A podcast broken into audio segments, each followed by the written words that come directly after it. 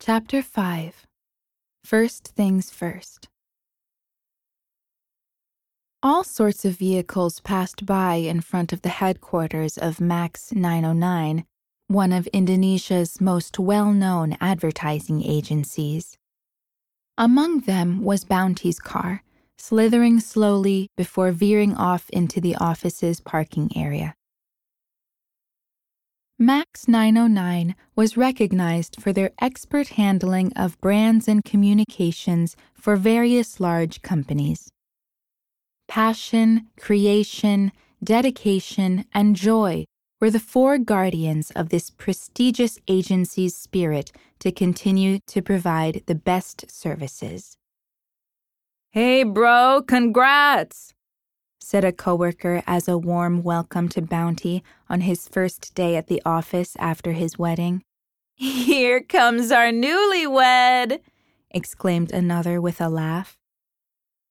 The morning's series of greetings and high fives from his colleagues lifted Bounty's spirit. His smile blossomed as he headed to his desk. As an associate creative director, Bounty was well respected including by Budiman Hakim. The man, who went by the nickname Om Bud, was a creative advisor famous throughout the country for his amazing works. Bounty was intent on tidying up the pieces of paper sprawled on his desk, but his coworker sitting right next to him just would not stop teasing him. So, how was the honeymoon?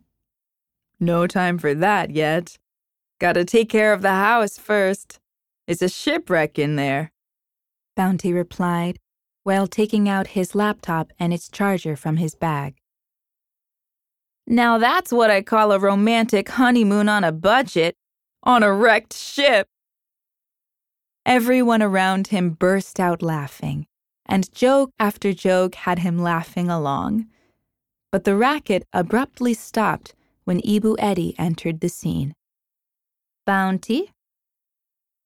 Bounty turned to find Ibu Eddie glaring at him. Om Bud wants to see you. Om Bud's office was an immaculate space imbued with his very own concept of millennial. The man with a thick mustache and graying hair was reviewing employee reports on his laptop. He was quite techy for a man his age. Although belonging to the Gen X cohort, he made sure that he was never out of touch with digital affairs. For him, it was the demands of the age and lifestyle that made him choose to embrace the paperless ideal. Knocks on the door disrupted his concentration. He glanced at the source of the sound. Yes? Bounty appeared from behind the door. You asked for me, Om Bud? Seeing that it was Bounty, Om Bud chuckled. Ah, yes. Come in, come in. Om Bud beckoned him with his right hand. Bounty closed the door and approached the large desk. The head of MACS 909 rose from his seat. He gave Bounty a firm handshake. Congratulations! I heard you got married again. Bounty smiled sheepishly as he shook hands with the man. yes, Om Bud. Thank you. I'm done with whatever perks being a young divorced guy has to offer. They both laughed. Om Bud then cleared his throat before putting on a serious face. Please, have a seat. Bounty sat down, facing the man who was almost in his sixties. He placed the iPad that he had been clutching in his hand onto the desk. Om Bud opens the conversation in an earnest tone. Well, Bounty, I noticed that we hardly communicated lately. I actually needed you and the others to complete a new creative concept. The deadline was a few days ago. I meant to call you, but I thought you must be quite busy with the wedding and all. Tension began to show on Bounty's face. Om Bud stood up and began to pace slowly around his desk. He was not the type to stay seated for a long period of time. But don't worry, I had it under control. Everything was presented to the client. It's all good now. Om Bud crossed both of his hands before flicking them until the backs of his hands were aligned. He had long introduced the gesture to signify that everything was taken care of. Bounty felt bad, and it showed on his face. Um, yes, Om Bud. Bounty replied with a nervous chuckle. He felt intimidated. But then again, everyone around him would whenever Om Bud displayed his idealism he truly was unmatched. Anyone who had worked with him on a fast paced project would attest to the intense adrenaline rush of having to deal with his perfectionist approach. Om Bud stared at Bounty sharply. He was thinking about handing him a new assignment, but he wasn't sure if Bounty would be up to the task. The other choice, however, was to see the project go into shambles. You see, Bounty, I have a new assignment for you. Bounty took his iPad from the desk and opened it. As he paid close attention to the brief, his fingers began to type. Yesterday, one of Jukajo Juice's top men, Rengpa Arianto, MACS 909 was invited to pitch for their latest product. Om Bud walked around Bounty as he spoke. The mandatory is everything in the strategic plan from the upstream to the downstream, including creative concepts. So now your job is to interpret the brand canvas that's been agreed upon. Om Bud returned to his seat turned his laptop over to Bounty. A brand canvas complete with the picture of bottles of colorful liquid with Jukajo juice written on them was displayed on the screen. There it is. Bounty scanned the screen with a puzzled look. He needed time to digest all this new information. Romance had to take a back seat for now. Om Bud continued the brief.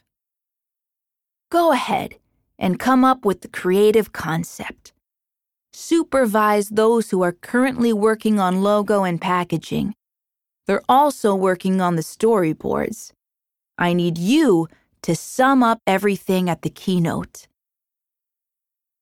Okay, Om Bud, Bounty chirped while typing down the brief. Noted. Bounty could hear a sigh coming out of Om Bud's mouth. The man was watching Bounty's every gesture as if he was still trying to convince himself that his creative director would pull it off. The presentation is next month, after Eid. You're not planning to go back to your hometown, are you? Bounty turned his gaze toward his boss. Oh, no, no, no, no. Don't worry, Om. I've got this. No plan to visit my birthplace whatsoever. Plus, the family's all here in the city. Okay, good. Om Bud smiled, and his palms struck a single clap. His worries diminished slightly. He turned the laptop back toward himself. Putting a different file on display, his attention was quickly gripped by a creative concept that he would have to present to a different client. Is that all, Om Bud? The head of MACS 909 shifted focus from his laptop and glanced at Bounty. Yes, that's all. Bounty was about to get up from his seat when Om Bud's words suddenly pulled him back. Oh, one more thing. Yes, Om? Bounty stopped right in his track, feeling tense. Om Bud pointed at Bounty directly to his chest, signaling a stern warning. You're sitting on my money. You'd better be good. Bounty sat back down. He gulped, looking palpably worried. Otherwise, somebody else is gonna do it for you. This time, Om Bud was beyond serious. He pointed at himself. And that's gonna be me. Wow! Congrats, Papa! I'm a proud wife. Tiara smiled happily at her husband. Meanwhile, Bounty was cutting the most expensive steak in a luxurious restaurant, swathed by romantic ambiance. Bounty put down the knife and the fork on his plate, and then showed her one more time how gentle he could be as he took Tiara's hand in his. Thank you, honey.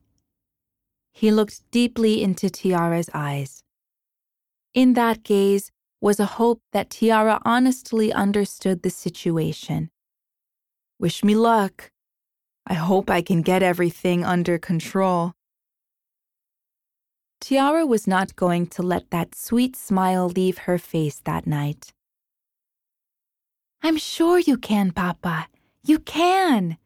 You just have to have the confidence, as well as discipline in time management. Bounty replied her smile, feeling thoroughly lucky to have a wife with such great understanding. Again, I'm sorry that we have to postpone the honeymoon.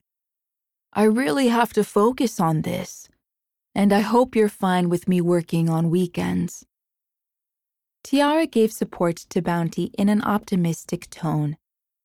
She knew exactly how to provide him the support he needed in words. It's all right, Pa. Don't worry about me. First things first. Tiara took out her mobile phone and put it on the table right under Bounty's face. I also want to focus on taking care of the household. Bounty looked at the title of the digital file on his wife's phone and immediately stopped chewing. It was an ownership transfer letter regarding Tiara's online news portal. It read that it would soon be helmed by Tiara's brother. Hold on. You resigned? Tiara nodded, smiling lightheartedly. Bounty still could not believe it. He didn't expect Tiara to take such an extreme measure. Why? I didn't tell you to stop working completely. I have to concentrate on our family. You were right. A wife is the neck of the family. Tiara gave a firm answer. Bounty was all ears, as he knew more was coming. I can think of so many things I'll have to do as your wife. Tiara looked at Bounty and continued her words. Here I am with all my determination. What I need now are competence and time. Bounty gradually formed a smile on his otherwise baffled face. It dawned on him that Tiara did understand. Although sacrificing her career for the family still felt a little too much for him. Tiara then leaned slightly toward Bounty and whispered, To me, our family comes first. So? At the table adorned with candles and red roses, Tiara and Bounty gleefully said the words in unison. First things first. They burst out in laughter together, slightly disrupting the soft jazz music that gave soul to the warm ambiance. Bounty continued his dinner. In her mind, Tiara was preparing herself to slip a new subject into the conversation. Ah, uh, yes. You said Romeo would like to come and stay with us this fasting month? Bounty looked up. When is he coming?